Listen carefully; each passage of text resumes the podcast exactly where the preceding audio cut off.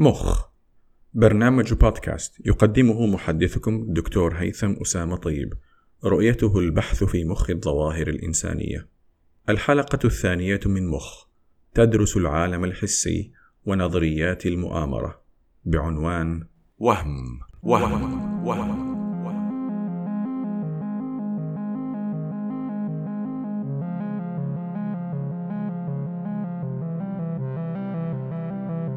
مخي العزيز وأنت أنا ظلام كثيف محيط بنا وجود ويحك أي وجود نرزح في ظلمات هنا. حبس في سجن من حواس فيها خلاص منها التباس. ترسم للوعي شكل الوجود ضوءا وصوتا كل الحدود. تخلق كونا تسميه أنت الحقيقة لكنه ذو حيود. هل يا ترى في حمانا خطر؟ وحش حريق عدوى قدر.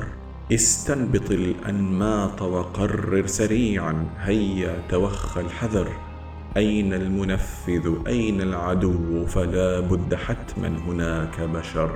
ليست هناك حوادث كل الحوادث دبرها مستتر.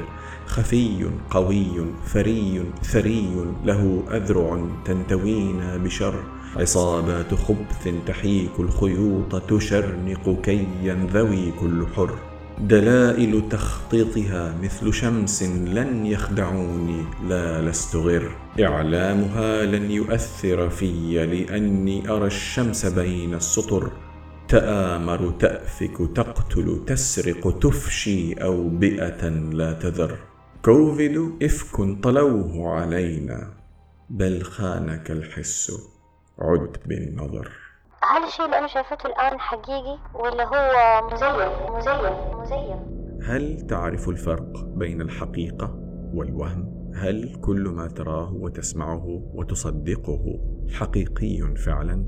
لو كان كل ما ترى وتسمع كل ما يملأ وعيك ترسمه لك أعضاؤك الحسية وتترجمه لك خلايا مخك كيف تضمن أن ما يرسم لك مطابق تماما لما يحيط بك في الواقع حقا.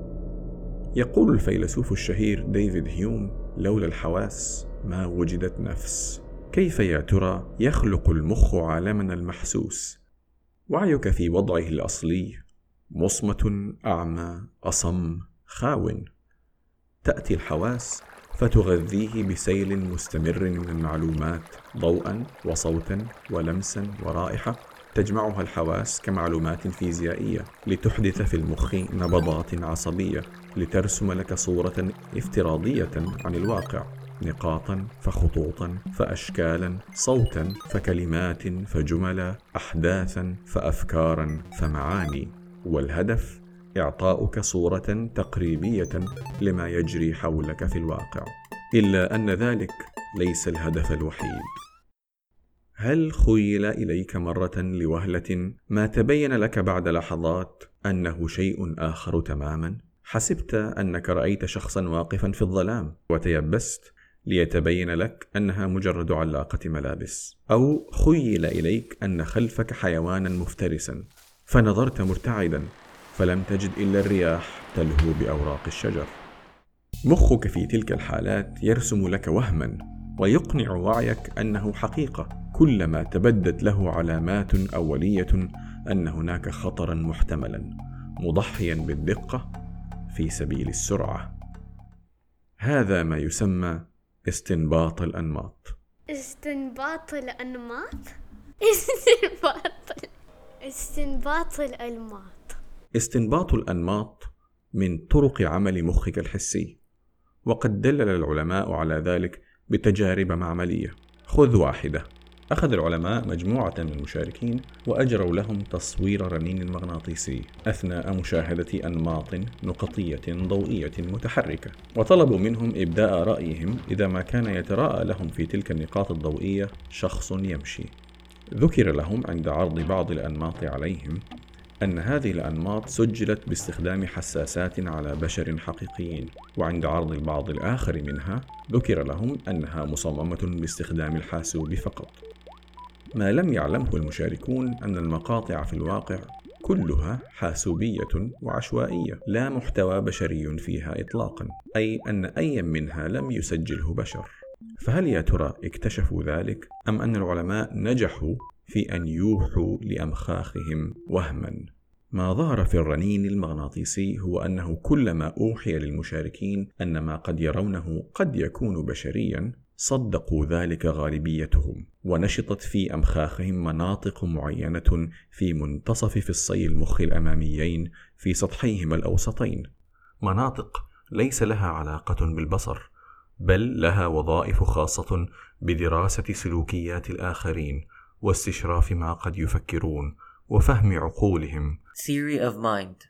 يعني حكمهم على النقاط اعتمد على انهم صدقوا الايحاء مو على المعطيات الحسية اللي جاتهم من توزيع وحركة النقاط. لم تؤدي المعطيات الحسية إلى المعتقد بل العكس خلق المخ وهما وأوجد منفذا بشريا من عدم. هذا هو استنباط الأنماط ترجمة المؤثر الحسي بسرعة مطابقته مع المخزون السابق من الأنماط الحسية. وتفضيل الأنماط التي قد تدل على وجود خطر محتمل أو منفعة أو منفذ واع. وما الأسوأ؟ أن يقشعر رأسك لوجود خطر وهمي؟ أم أن تمكث تحدق وتحلل طويلا فيما قد يكون ثعبانا يستعد للدغك دون أن تأخذ حذرك؟ أن تكتشف أنك ذعرت من علاقة الملابس فتبتسم لسخافة الأمر أم أن تتأخر في اكتشاف شخص مختبئ قد يضمر لك شرا. الخوف المستمر من الضر وضياع النفع له قوة كبيرة في مسرح مخك الكبير. وهنا قد تستنتج عاملا رئيسيا يؤثر على طريقة خلقنا للوجود أو الوهم. إنه القلق. القلق قد يعبث بعالمنا الحسي عبثا ويبث فيه الوهم بثا. تأثير القلق على حياتنا أكبر بكثير مما نتوقع لأول وهلة إلا أنه يظهر بوضوح في حالات القلق المرضي الشديد. حين يعبث القلق بمعالم الحقيقة في المعتاد يشحذ القلق الانتباه. ليمكن المرء من التقاط أكبر قدر من التفاصيل المتعلقة بمسبب القلق. أحيانا يشحذ القلق الانتباه كاملا لكل ما يحيط بنا فيجعل الكون غريبا. الانفصال عن الواقع أو ال depersonalization يخليني أحس كأني أنا بشوف نفسي من مكان تاني مش من جسمي مش من عيوني يخليني أشوف كل شيء وكأني أشوفه لأول مرة يكون يعني مبالغ في وجوده أمامي أو أو أو أنتبه لتفاصيل وأحاسيس وتركيزي يكون كله على الشيء اللي قدامي أو على حواسي فأحس كأنه كل شيء بأشوفه لأول مرة أو بأشوفه بصورة جديدة. وأحيانا أخرى يحدث الأغرب. هناك اضطراب يسمى الاضطراب العصبي الوظيفي. تتوقف فيه بعض أجزاء المخ عن العمل بصورة طبيعية بالرغم من سلامتها تشريحيا. ترى أم ابنها يقتل فيعطل مخها بصرها وذاكرتها لكي لا تسجل ولا تسترجع ما سيضرم قلبها حريقا. تعمى برغم سلامة عينيها. تعمى دون أن تعمى. يختار لها مخها وهما يبعدها عن خنجر الحقيقة الدامي. والقلق قد يتحكم فيما هو أعمق من ذلك. القلق بإمكانه أن يسير أوركسترا مخك كاملة يخضع كيفية تحليلك للأمور ويركع منطقك ذليلا ويجعلك تصدق اللامنطقي وتحيا في وهم. من أغرب الأفكار هي فكرتي وإحساسي بإني أنا ممكن أكون حامل حتى ولو لم تكن عندي أي علاقة مع أي شخص. هذه الفكرة بحد ذاتها كانت مرعبة وحقيقية لدرجة مجنونة بحيث أنا كل يوم كنت أوقف قدام المراية أطمن إنه أنا بطني ما بتكبر أتخيل إني أنا هل عندي أعراض الحمل ولا لأ؟ كيف ممكن فكرة زي كده أصلا تأثر على عقلي المنطقي وأعيش في جحيم؟ وأنا أتخيل إنه ممكن يكون هذا الاحتمال وارد بس بحكم إني أنا عندي رعب شديد من هذه الفكرة. بل إن للقلق مفهوما عاما يتغلغل في حياتنا.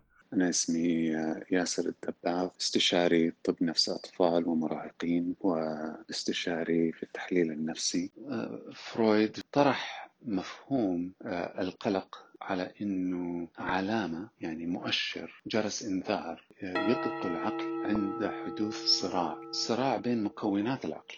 الإنسان عنده دوافع بتدفعه لأنه يحصل على الإحساس بالمتعة ونبتعد عن الأحاسيس المؤلمة الأحاسيس المزعجة. وعندي شرطي الضمير مستني إني أغلط علشان يأنبني. هذا الصراع. طبعا العقل بيحاول إنه يجد الحل المناسب. في الفترة اللي هي الإنسان بيحاول فيها إنه يصل إلى هذا الحل بحس بقلق ما هو آه، مرضي وإنما وأحيانا ما يكون أصلا موعي. معظم قراراتنا في حياتنا بتشتمل تقريبا على درجة من هذا الصراع ودرجة من الحل اللي بيصل إليه العقل. هذا القلق موجود طول الوقت متغلغل. بيغير في حياة الإنسان بشكل كامل وخاصة إذا كان الإنسان غير قادر على أنه يربط داخليا آه، مشاعره بمسبباتها بشكل واضح. هذه بتحدث عن كثير ناس آه، في الحقيقة. القلق هذا كذلك بيكون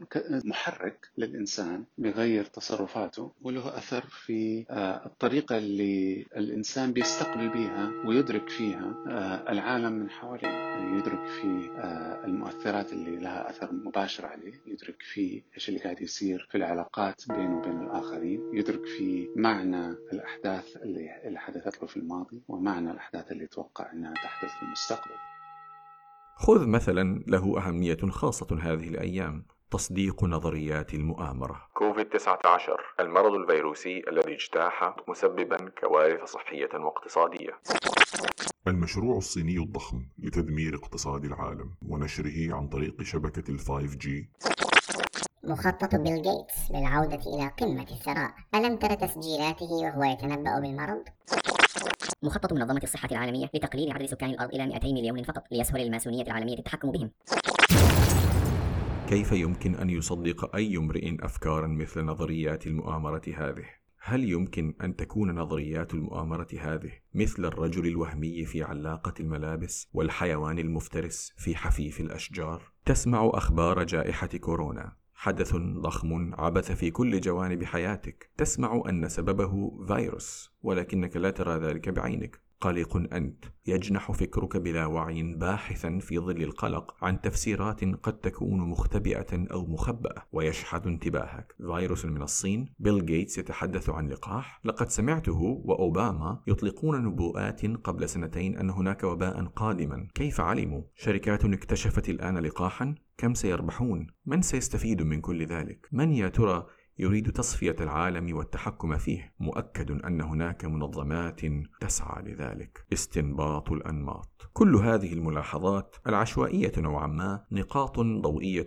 كتلك التي في التجربة. يربطها السطح الأوسط لفصي مخك الأماميين في غمرة تأثير مناطق القلق عليه وأوج بحثه عن نظرية العقل المسبب لكوفيد. فتوجد المنفذ البشري حيث لا منفذ وتستبدل الدليل المنطقي المفقود بخلق شعور بالاقتناع الاقتناع والتصديق ولخيالك الآن وخوفك حرية كاملة. يقودك تصديقك المبدئي إلى استنباط المزيد. من الأنماط لتؤكد استنتاجك الوهمي الأول. لقد خضعت نظريات المؤامرة كظاهرة لدراسة العلماء وهي مختلفة تماما عن الشك في مؤامرات محتملة فعلا. نظريات المؤامرة. نظريات ستبقى نظريات إلى الأبد. يستعصى أن يثبت يوما أنها حقيقية. يفرقها العلماء عن المؤامرات المحتملة بصفات جوهرية للتهمة والمتهم والأدلة. التهمة. جرائم ومخططات ضخمة تهدد الشعوب. المتهمون. منظمات كبرى شريرة. عصابات قوية لحد التحكم في العالم والسيطرة الدائمة عليه. الأدلة. ملاحظات غامضة. أقوال متناثرة غير موثوقة. افتراضات عن نوايا. لا يمحص فيها مصدقوها ولا يقبلون احتمال قصورها. بل تؤخذ على أنها حقائق تستنتج منها استنتاجات غير قابلة للنقاش.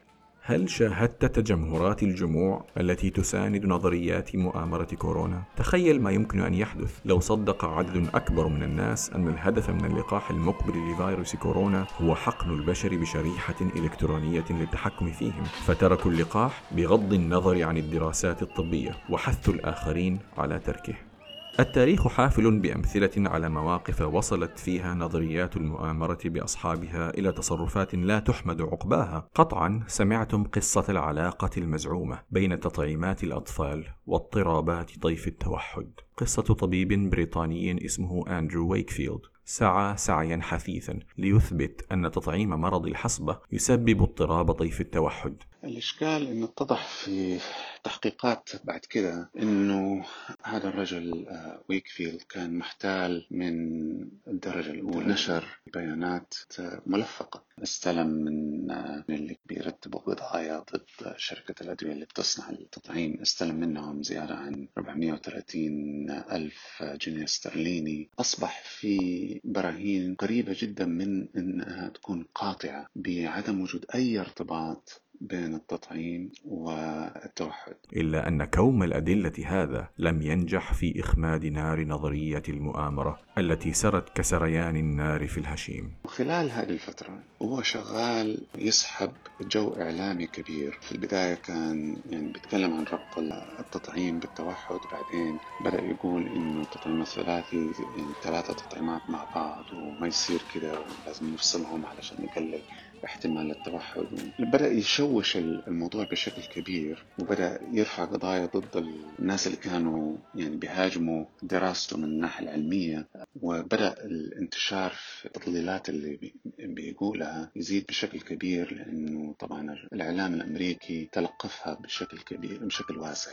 بس في حقيقة الأمر يعني أهالي المرضى يشعروا بإحباط شديد متوقع لأنه آه، الاضطراب آه، بيترك إعاقة دائمة. ممكن تتحسن آه، بتدريج لك ما في منه شفاء. تحتاج إلى موارد كبيرة جدا بشرية وعلاجية ومادية. وتدخل مبكر وجهود متواصلة لفترة طويلة. الأثر ضخم جدا على حياة الناس وعندهم إحباط لأنه ما في آه، وسائل علاجية واضحة مبرهنة وقادرة على أنها آه، تحقق لهم أمنيتهم في أنه الطفل يشفى من المرض. التعطش الكبير اللي عند الأهالي آه، لأنهم يفهموا هذا المرض لأنهم يجدوا له حل سريع يجدوا السبب يلوموا المرض. عليه إنه آه، التطعيم هو السبب. الحاجة هذه حاجة طبيعية. ما يجب إنه نلوم الاباء والامهات عليها. بيبحثوا عن أي قشة يتعلقوا فيها وهناك من بيستغل الشيء زي أندرو ويكفيلد. كيف يمكن أن ندرأ ما قد ينجم عن انغماس وعينا في الوهم؟ كيف يمكن أن نقترب أكثر من الحقيقة؟ قد يتبادر إلى الذهن أن الحل هو التفاؤل المطلق. قد تكون أنت من المتفائلين الذين يعيشون حقيقة لا تخشى المؤامرات. تعيش ما يسمى الحيود الذهني التفاؤلي لتعيش دون خوف وتدرأ كل قلق. لو كنت متفائلا بلا قيود أقترح أن تتساءل ألا يثير فيك القلق؟ أن مخك يهرب من قلق بالضبط كما هناك آليات في المخ يقودها القلق لخلق نظريات للمؤامرة فإن الآليات ذاتها قد تخلق وهما مليئا بالورود. أظهر تصوير المخ أن الآليات في ذلك السطح الأوسط للفصين الأماميين المسؤولين عن قراءة العقل والسلوك تنشط عندما يتفاءل المرء متجاهلا معطيات الواقع تماما كما تنشط عندما يخلق نظريات للمؤامرة. هناك حتما إيجابيات للتفكير المتفائل لكنه ليس بدون محاذير. خذ تصرفات البشر أثناء الأوبئة مثلا. أظهرت أبحاث كثيرة أن الحائدين إلى التفاؤل قد لا يحترزون من العدوى كما يجب كما أنك طبعا لو كنت متماديا في التفاؤل بشأن نوايا البشر وأحداث العالم فقد ينطلي عليك من المؤامرات الدواهي لا النظريات ليس التفاؤل إذا حلا مطلقا لفهم أحداث العالم. ولا أدعي أنا أن لدي إجابات تفوق تساؤلاتي ولكن لا أفتأ اتعلم أن الحل لأي معضلة تنتج في المخ يكمن في المخ. استنباط الأنماط ودرء القلق بتعيين المنفذين أو الحيود التفاؤلي اللاواقعي ليست هي الإطارات الوحيدة التي تتشكل فيها حقيقتنا. هناك في المخ آليات أخرى نذود بها. في مقدمة مخك يقبع فص المخ الأمامي تخيله كهرم له ثلاثة أسطح. أولها السطح الداخلي الأوسط بين نصفي المخ. Medial prefrontal cortex, ذلك الذي ذكرناه سابقا. السطح الثاني سفلي يعلو العينين. Orbitofrontal cortex, له دور المحاسب. تحسب خلاياه المضار والمنافع وتوازنها. وله دور في كبت الجماح. ثم هناك السطح الجانبي الخارجي في جانبي مقدمة رأسك. Dorsolateral prefrontal cortex, وإن كنت قد عرفتك على المراقب والمحاسب فأنت الآن تقابل المدير التنفيذي فهذا الجزء هو المسؤول عن إدارة الإدراك والتخطيط للأمور وترتيبها وتنفيذها هل يعقل أن نعتمد فقط على استنباط الأنماط إذن؟ أن نعمل بعض أجزاء دماغنا البديع فقط؟ ونكتفي بأمان زائف. لم يعد معظمنا كما كان أجدادنا يحيا في الأدغال والحقول ولم يعد عالمنا مقتصرا على السحاب والفاكهة والعنكبوت والثعبان. لقد صار عالمنا أكثر تعقيدا يتطلب ترويا وتمحيصا. تذكر إذا أن في مخك في فص الدماغ الأمامي محاسبا كابحا متأنيا ومديرا ممحصا منفذا. ما الذي سيحدث لو تلونا استنباطاتنا الأولية وحقيقتنا ومعتقداتنا بموجات من كبح الجماح للانطباعات المتسرعة والاستنتاجات الخديجة حيال مواضيع العالم المعقدة. لو علم الإنسان أن انطباعاته الأولية لا تعطي الصورة الكاملة ألا يقتضي ذلك أن عليه أن يشكك في هذه الانطباعات ولا يكتفي بالقليل من البيانات أو الضعيف من الاستدلالات أو ما تزجه إليه عواطفه الأولى من استنتاجات؟ لو علمت أن مخك دائما يخلق حقيقتك كما يحلو له. أليس منطقيا أن تشك مع كل انطباع أن أنظمة مخك الحسية قد تتآمر عليك؟ نظريات المؤامرة هي بذاتها مؤامرة. مؤامرة عليك من خلايا مخك. مؤامرة بريئة النوايا حميدة المقاصد ولكنها قد تكون وخيمة العواقب عندما تبرم في غير محلها. في مخك بلايين المتآمرين جديرونهم بالشك بهم. فيهم. خاطب مخك بمخك. أخبره أن الشك قد يكون فعلا هو الموقف الموزون. لا الشك أن الكون متآمر بل الشك في كنه الحقيقة برمتها. شك مدرك أن الحقيقة قد تكون وهما والوهم قد يصبح حقيقة. شك مبني على يقين واحد هو أن الحقيقة نتاج عمل مخ آلياته معرضة للانزلاق نحو استنباط الأنماط وإكمال الفراغ. شك ويقين يقودان إلى التحليل المتريث الساعي لا إلى درء القلق بل إلى القرب من الحقيقة. تخشى الكون كثيرا مخي تبحث عن إنذار الخطر. في جنباتك خوف أن سوف نموت بسيف الغدر. هل ارتحت قليلا مخي؟ ارخي الطرف وأخلي الفكر. لا تفرض أن حولك دوما. من يتربص يضمر شرا. كنا نحيا في أدغال بين ثعابين ونبال. غضة طرف زل تبال. تعني الموت بدون سؤال. لا عجب اذا أن تحمينا حتى من أضغاث الوهم. لكن يا أرقى أعضائي هل أنماطك دوما تحمي؟ عالمنا اليوم حضارات معلومات وحكايات أحداث الدنيا ألغاز تعقيدات وبيانات تحقيقات ثم غموض مؤتمرات ثم بنود وإشاعات مثل النحل طنين أين المرء يذود؟ فيروسات وجزيئات منحنيات إحصائية خبراء يدلون برأي ومناظرة تلفازية. تاريخ يروى ويكذب وعراك فصائل دينية ودراسات ونتائجها أبحاث جدا تقنية. لا أفهمها لست أكيدا إن كانت فعلا علمية. تغمرني الآراء فأين الحق وأين خبيث النية؟ مخي أنت ملاذي من أنماط انت اعتدت عليها. قشرة فصك خلف جبيني تحوي حلا في جنبيها. فوق العين خلايا تحسب ميزان المنفع والضر. تكبحني عن أن أتهور باستنتاج قاصر فكري. ثم هناك ال CEO للعقل يخطط كل سلوكي. لا يتركني جانب مخي أسعى في غير المحبوك. أنت أماني بالأنماط تقيني مما يحدق بي وأنت كذلك من يحميني من بارانويا غير سويه كوني وهم حاذر واحمي شك تريث دون الظلم شك بمخ شك بوهم. هذا كل شيء. شكرا لضيوف هذه الحلقة الدكتور ياسر الدباغ و أسامة. زايا. والصوت المجهول. الخلفيات الموسيقية من مكتبة يوتيوب. للمزيد من المعلومات والمراجع انظر وصف المقطع. ترقبوا الملحقات. إلى اللقاء.